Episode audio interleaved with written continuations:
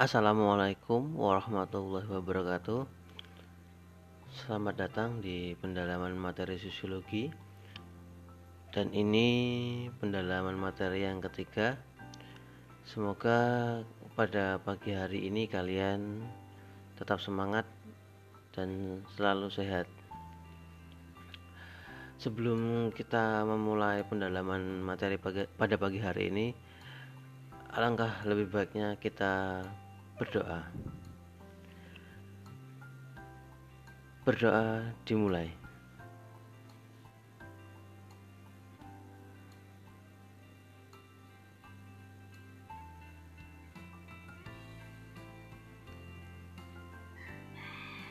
Berdoa selesai.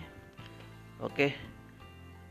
Untuk pagi hari ini masih sama seperti biasanya Eh, kaitannya dengan soal nanti di foto lalu di unggah di presensi online yang sudah tersedia. Tapi sebelum kita mulai materinya ada beberapa hal yang perlu saya sampaikan. Yang pertama kaitannya dengan presensi ada yang perlu diperjelas apabila dalam hal ini kalian asal-asalan mengisi password tidak sesuai dengan apa yang sudah uh, saya buat maka saya menganggapnya itu tidak hadir dan akan saya hapus dari daftar presensi. Saya inginkan tujuannya saya membuat password itu ya agar kalian itu mendengarkan materi yang saya berikan sehingga uh, kalian itu bertanggung jawab terhadap apa yang seharusnya kalian lakukan. Bukan berarti presensi yang saya berikan dengan kata kuncinya itu uh, memaksa kalian untuk mendengarkan itu tidak tapi kesadaran kalian itu semestinya di kelas 12 ini sudah tumbuh untuk memikirkan sesuatu yang seharusnya menjadi penting. Ya saya sudah memberikan penjelasan kepada beberapa orang yang kaitannya sering presensi tidak menuliskan password yang benar. Karena saya yakin mereka tidak mendengarkan itu. Ya tujuannya ya agar kalian mendengarkan password sih sebenarnya. Eh, agar mendengarkan materi sebenarnya. Dan perlahan menemukan password yang ada. Itu yang pertama. Yang kedua masih ada saja yang tanya kepada saya Pak soalnya itu di print atau diapakan sedari awal saya sudah bilang sebenarnya bahwasanya soal itu di print terus dikerjakan diberi tanda yang salah yang mana yang betul yang mana dan diberikan skor sendiri. Jawaban yang kalian kerjakan secara mandiri itu berapa benarnya berapa salahnya dan saya tidak mempermasalahkan uh, jumlah salah dan jumlah benar karena tujuannya bukan di situ tapi tujuannya agar kalian Eh, menemukan kepuasan tersendiri ketika menemukan jawaban yang sebenarnya dari saya. Apabila salah ya nggak apa-apa dan apabila benar kalian tentunya merasa senang dengan dengan kalian mengerjakan itu secara jujur kalian tentunya akan merasa senang jawabannya benar. Oke langsung saja kita mulai daripada terlalu lama intronya seperti kemarin. Uh, untuk soal yang pertama itu halaman 3 di nomor 11 tapi sebelum kita membahas nomor 11 eh, kemarin sepertinya nomor 5 itu terlewat maka saya akan membahas nomor 5 kembali ke nomor 5 untuk mencegah agar tidak terjadi bentrokan antara masa pengunjuk rasa dengan aparat kepolisian maka perlu adanya kajian sosiologi. Dalam hal ini, sosiologi berfungsi sebagai A. Pemberi data untuk penelitian B. alat untuk memecah masalah sosial C. Mengkaji kesenjangan sosial dan kon eh, mengkaji kesenjangan sosial D. Kontrol sosial terhadap pembangunan sosial E. Metode penelitian untuk mengungkap masalah sosial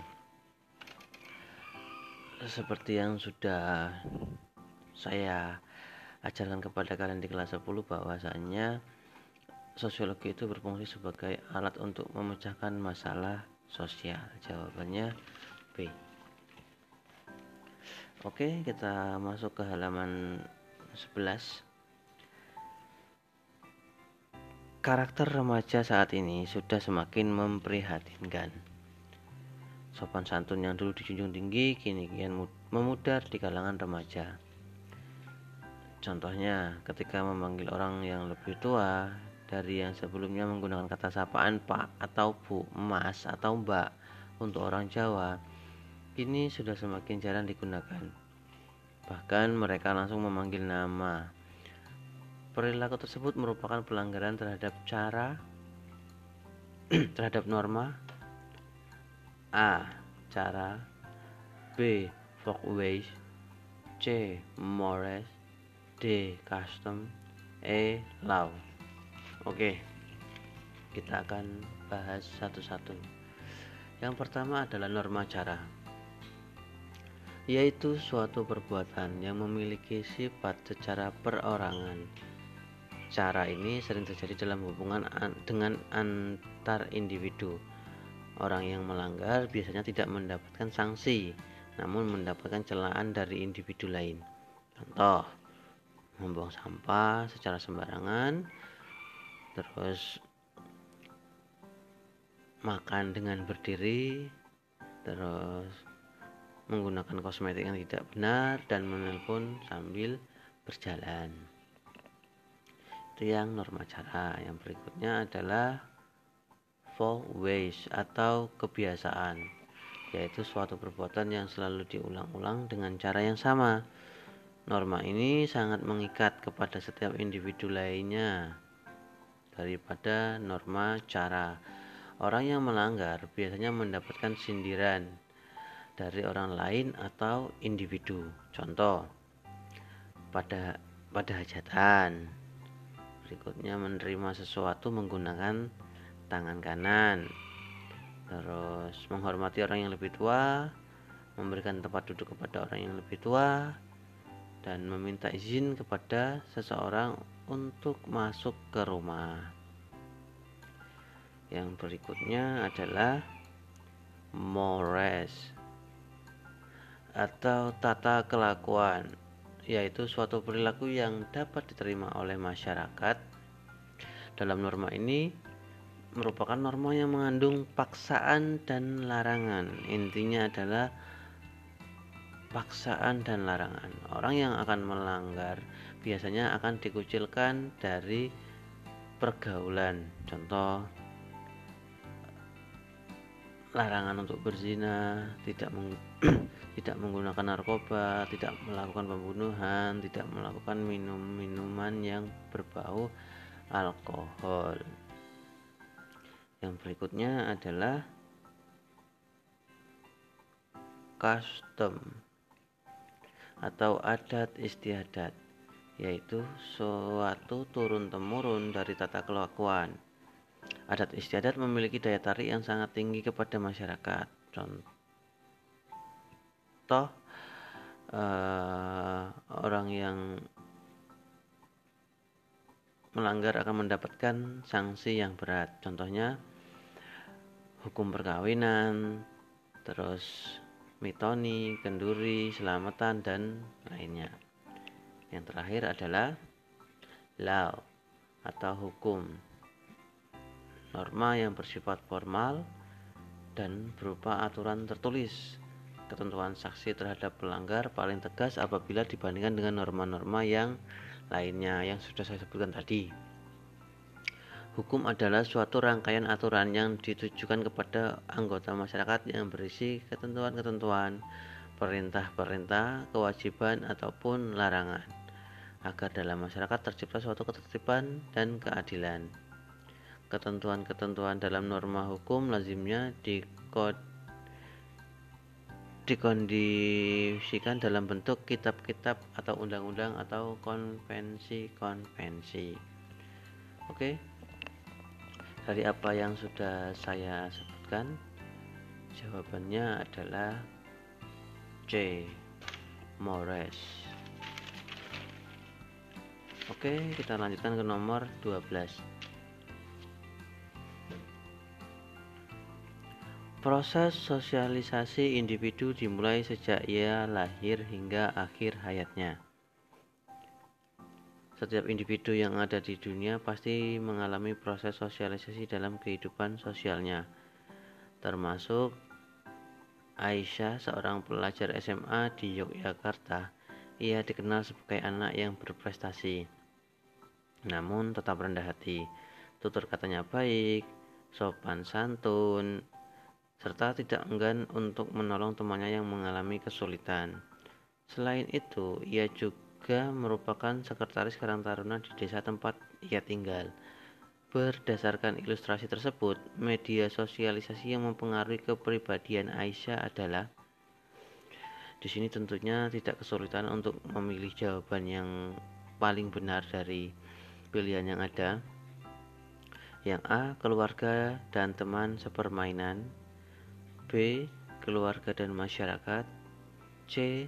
Teman sepermainan dan masyarakat D. Masyarakat dan sekolah E. Sekolah dan keluarga Jawabannya adalah B. Keluarga dan masyarakat Biasanya yang menjadi dasar seorang anak seperti itu adalah sosialisasi tahap pertama yaitu keluarga baru dia akan mulai tumbuh kembang berdasarkan aturan yang ada di masyarakat. Oke yang berikutnya nomor 13 uh, eh, ini sudah mulai azan. Nanti apabila uh, ini azan subuh ya. Ini saya rekamannya pada pagi-pagi hari karena tadi malam hujan deras sehingga takutnya mengganggu proses rekaman dengan suara hujan yang ada. Jadi pada pagi hari ini saya mulai rekaman. Nanti apabila sudah waktunya sholat nanti saya sholat dulu untuk mengisi kekosongan eh, apa namanya pendalaman materi akan saya putarkan lagu jeda sembari saya melakukan sholat subuh. Tapi ini masih azan jadi kita dengarkan terus. Nanti saya isi dengan musik. Ya seperti di radio lah intinya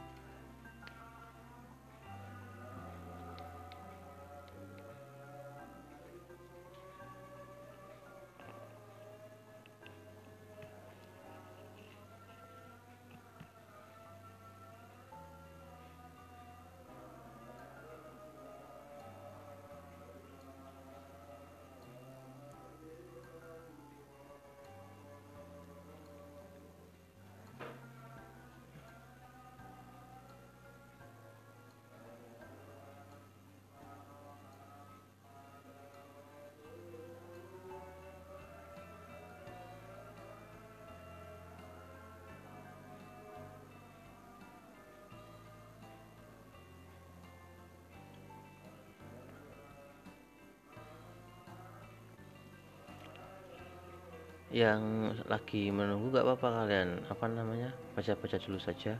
Uh, soal-soalnya dipastikan yang jawabannya yang merasa belum yakin kebenarannya silahkan dipastikan dulu sembari saya menunggu azan subuh ini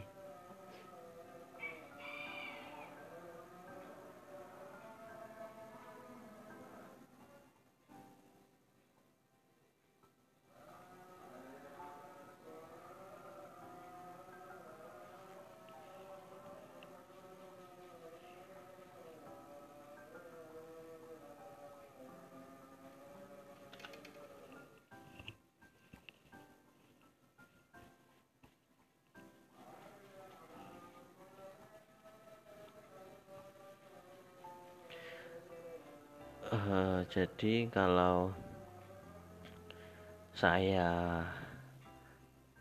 ini di pause nanti rekamannya selesai ini. Karena cuman pilihan tombolnya hanya berhenti. Jadi nggak bisa rekaman saya ini menghentikan sementara. Jadi tetap harus berjalan makanya eh, sedikit menunggu waktu. Jadi ya didengarkan dulu saja intro yang ada nanti kalau saya mau sholat nanti saya putarkan sebuah lagu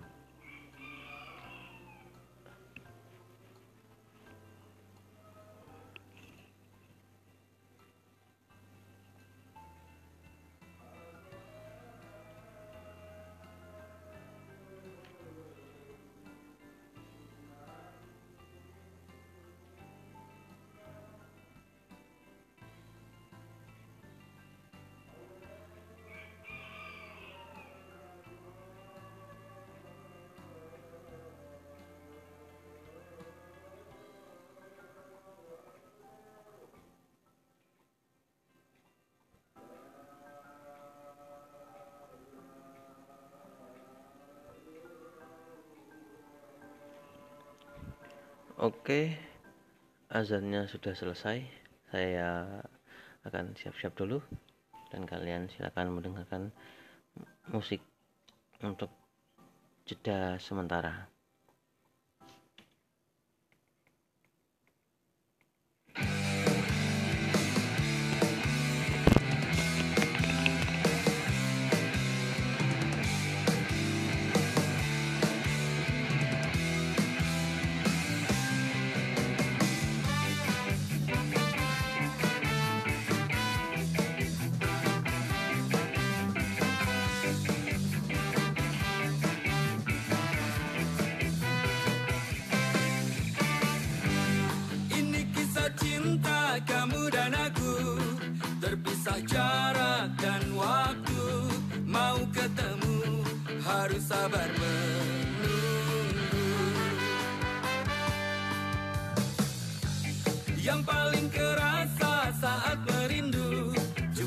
Pandang, pandang fotomu Sambil ku bilang Jangan nakal, gak boleh selingkuhin aku.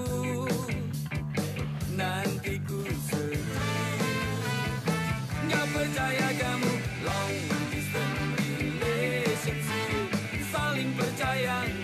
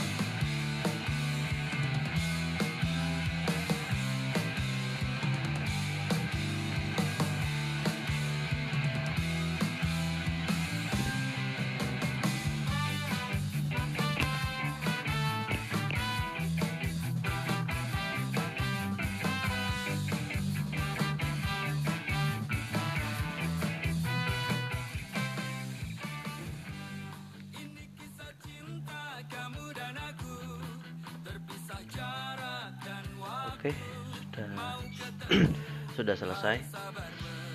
Kita lanjutkan saja, tapi sebelumnya akan saya matikan dulu musiknya. ya.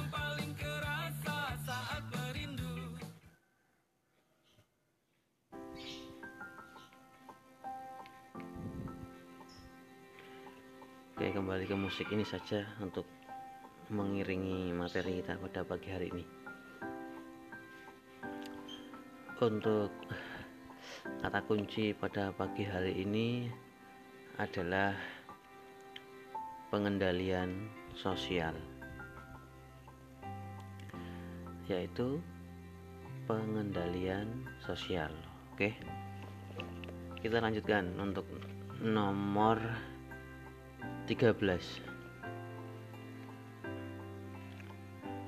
Di suatu desa terdapat konflik antar warga karena berebut pengairan sawah.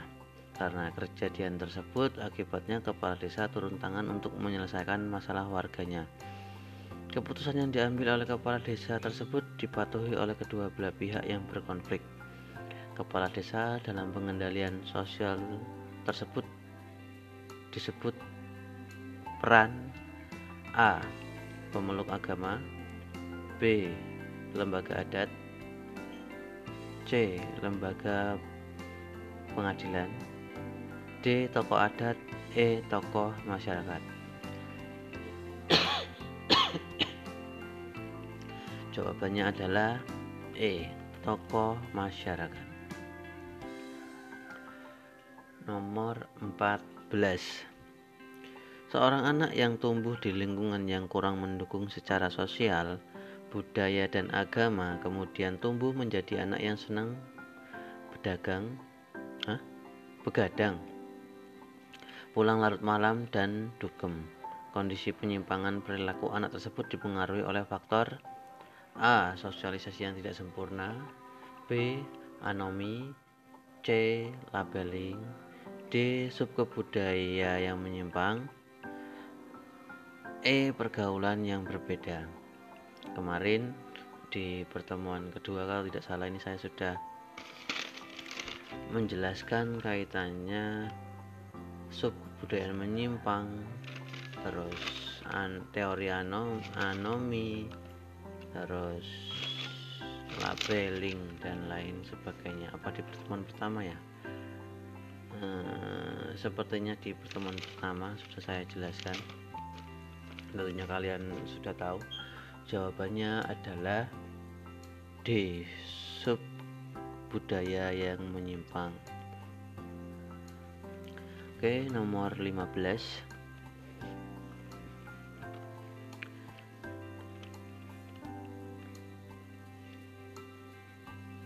Dalam rangka menyambut HUT TNI ke-74 tahun 2019, Kodim 0201 BS menggelar pertandingan bola voli tingkat SMA sederajat sekota Medan di lapangan Banteng.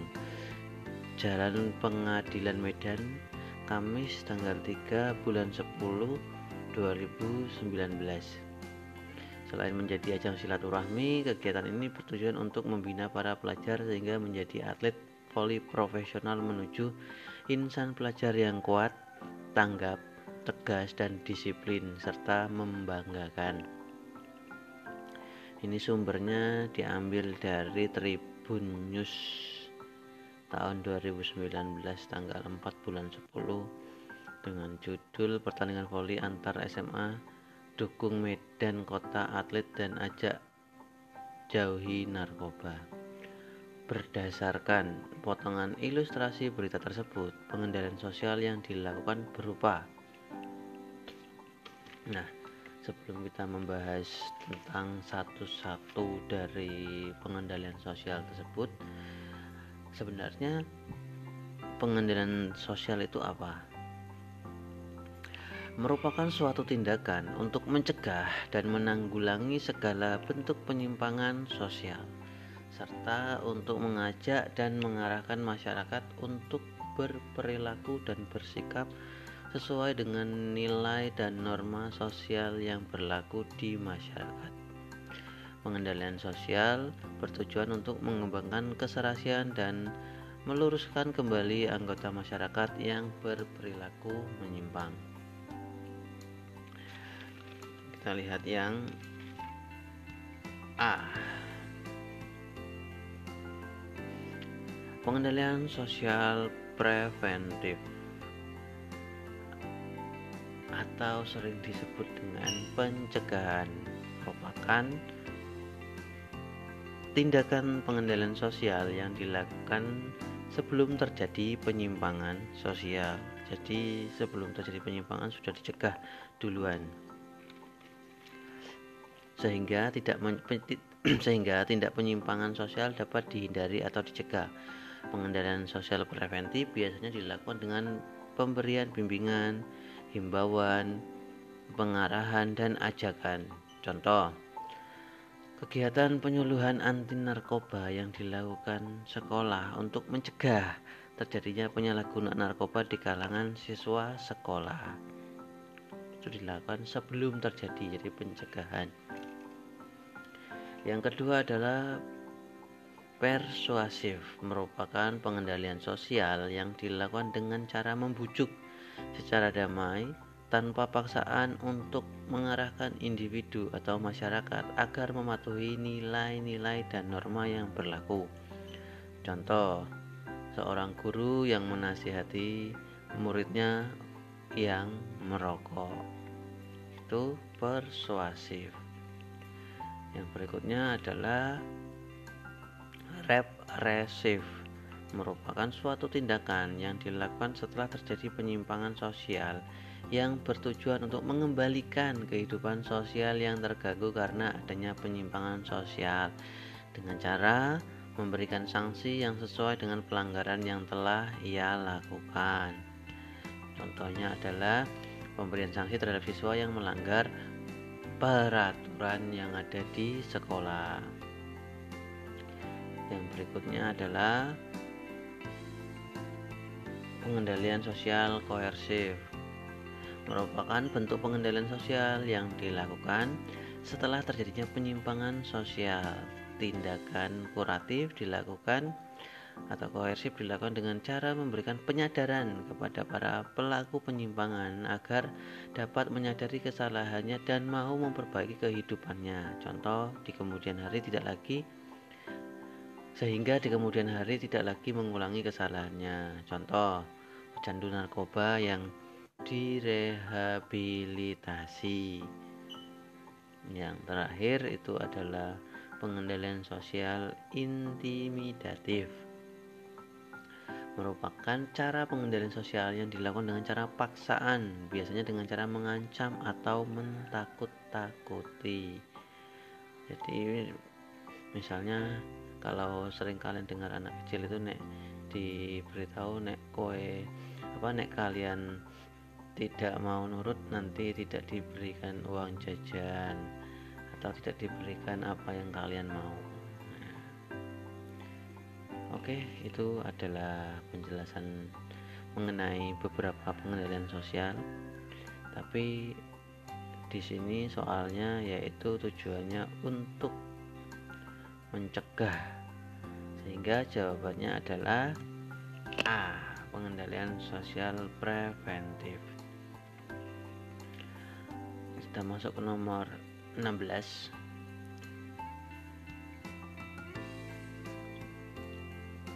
dalam masyarakat modern kemampuan setiap individu dihargai dengan semestinya. Kedudukan sosial yang tinggi dapat diraih dan bisa diduduki oleh siapa pun yang mampu mencapainya. Struktur sosial masyarakat yang demikian disebut dengan A. Stratifikasi sosial terbuka B. Stratifikasi sosial campuran C. Stratifikasi sosial tertutup D. Struktur sosial dinamis E. Sistem sosial terbuka Oke kita akan bahas satu-satu Ini pelajaran kelas 2 Ini adalah materi kesukaan saya sih sebenarnya Tapi kalian juga tentunya menyukai kaitannya dengan materi ini karena materi ini sangat mudah dan sangat gampang untuk dipelajari. Kaitannya seseorang berpindah-pindah lapisan dari atas ke bawah bawah ke atas dan lain sebagainya. Strati, stratifikasi sosial terbuka.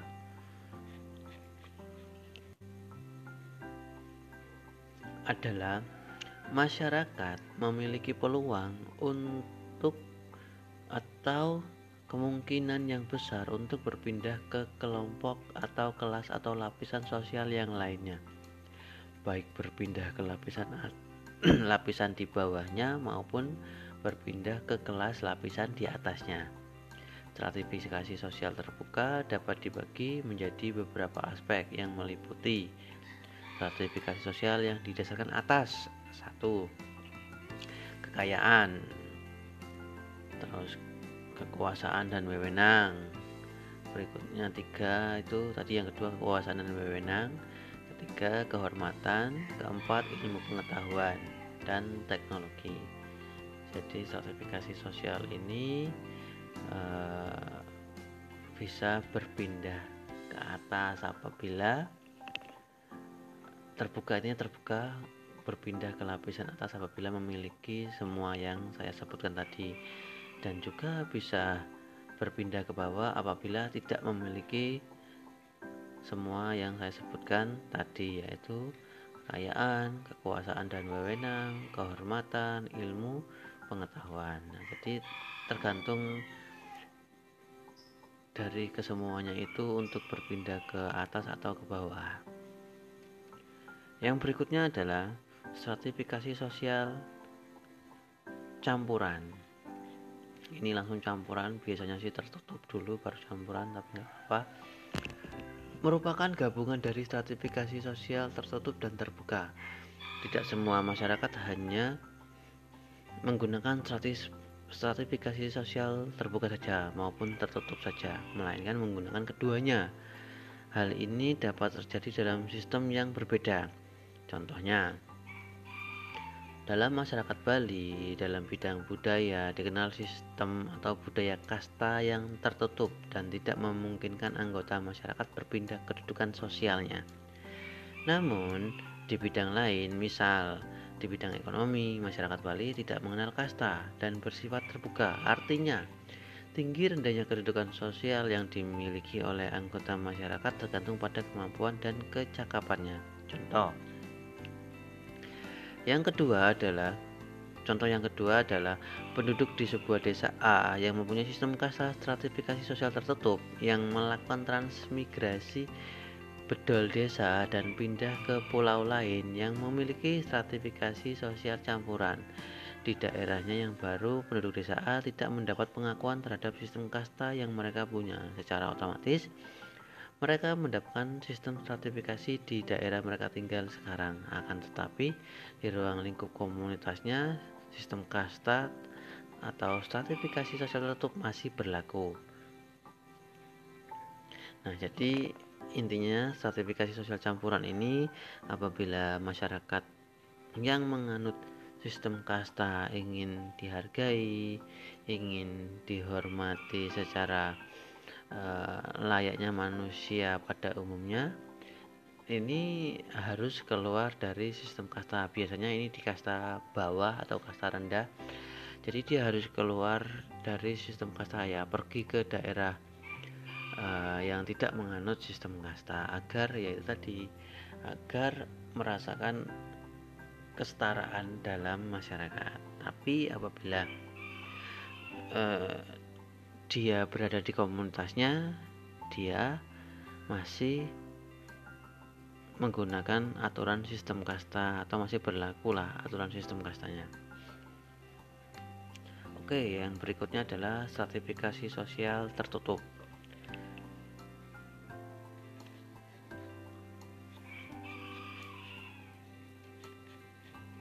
Dalam stratifikasi tertutup, kesempatan masyarakat untuk berpindah dari satu golongan ke golongan lainnya sangat kecil. Di dalam sistem ini, satu-satunya jalan untuk menjadi anggota suatu lapisan dalam masyarakat adalah kelahiran atau keturunan. Sehingga masyarakat lebih bersifat statis, terutama golongan atau kelas bawah. Contoh, dari stratifikasi sosial tertutup adalah dapat ditunjukkan dengan sistem kasta pada masyarakat India. Anak raja pasti menjadi ahli waris kerajaan, contohnya pada kerajaan Inggris atau kerajaan-kerajaan yang ada di Eropa. Jadi, sertifikasi sosial ini tidak memungkinkan seseorang untuk uh, berpindah lapisan. Yang menentukan sertifikasi sosial ini adalah satu-satunya jalan adalah kelahiran atau keturunan. Jadi misalnya kalian ingin menjadi raja, ya nggak bisa karena tidak ada keturunan dari raja sehingga ya sudah jadi rakyat saja. Oke, itu sertifikasi sosial tertutup. Yang berikutnya adalah struktur sosial yang dinamis. yaitu selalu berubah-ubah dari waktu ke waktu yang dipengaruhi oleh perkembangan kehidupan masyarakat.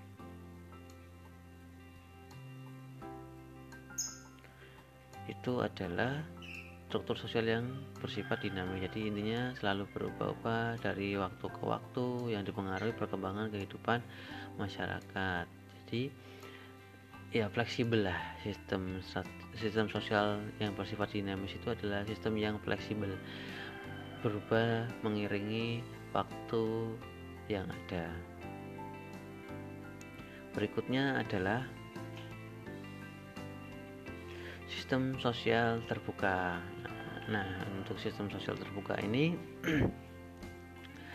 yaitu sistem yang tidak ditutup-tutupi tidak Eh, apa namanya tidak dirahasiakan semua orang mengetahui apa yang ada di program atau ada yang kebijakannya agar apa ya agar terjadi ketransparanan sebuah program. Jadi tidak ada yang ditutup-tutupi dan semua orang berhak tahu atas apa yang menjadi haknya.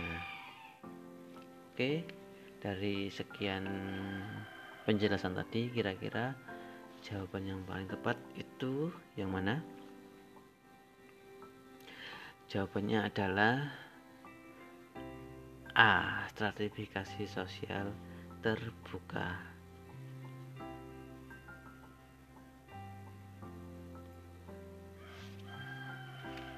Oke, berikutnya ke nomor 17.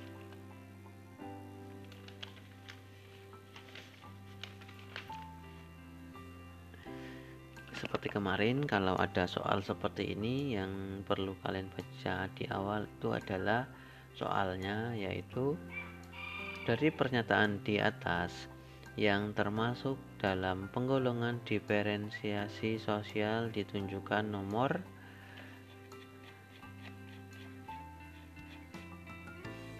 nomor manakah?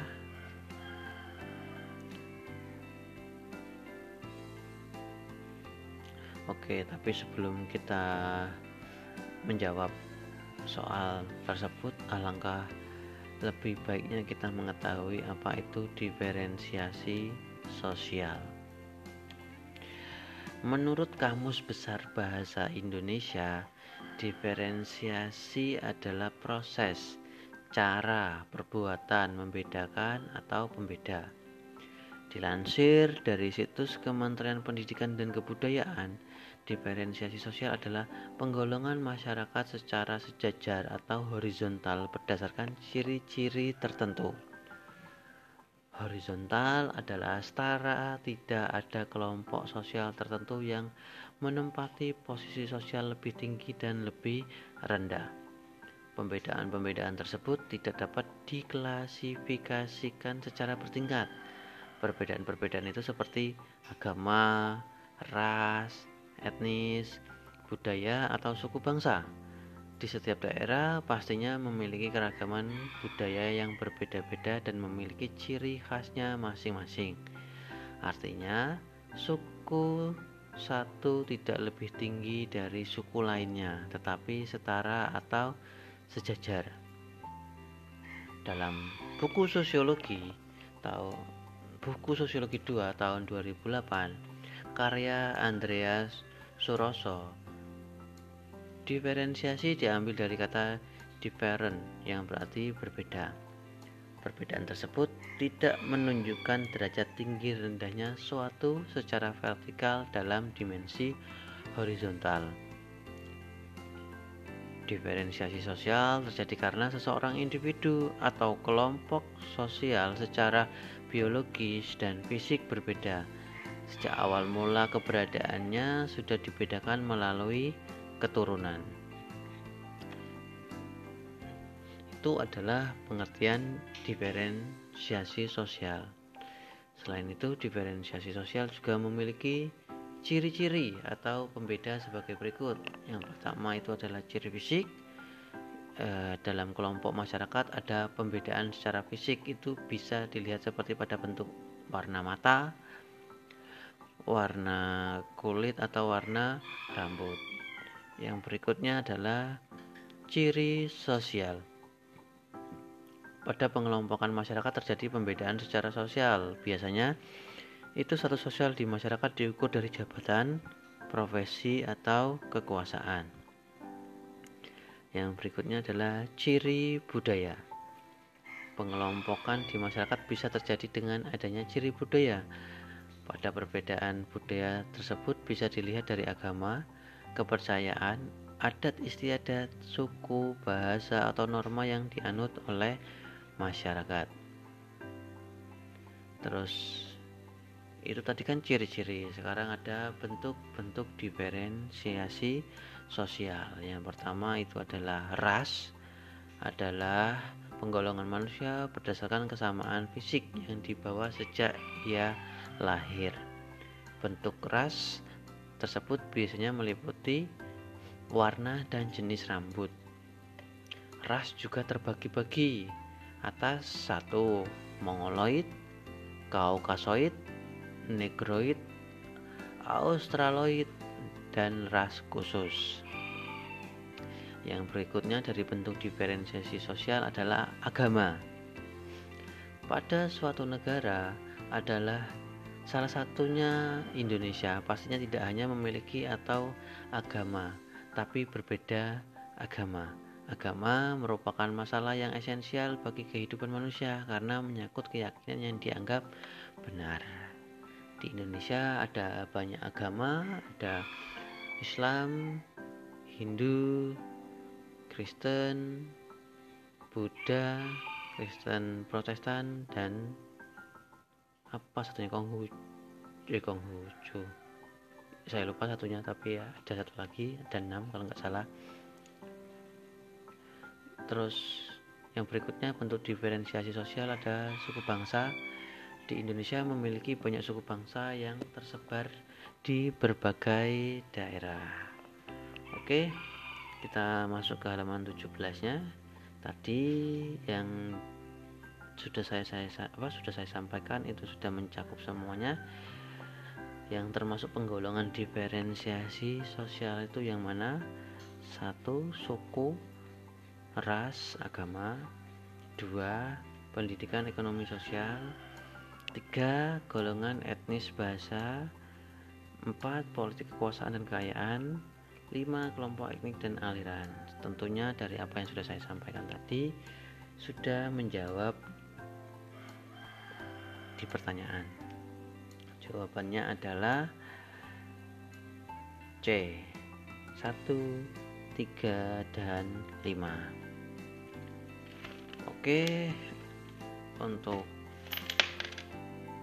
pagi hari ini sepertinya sudah selesai agar memudahkan kalian dalam memfoto soal. Jadi nanti silahkan difoto di halaman 3 dan di halaman 4 saja karena biar dua kolom saja.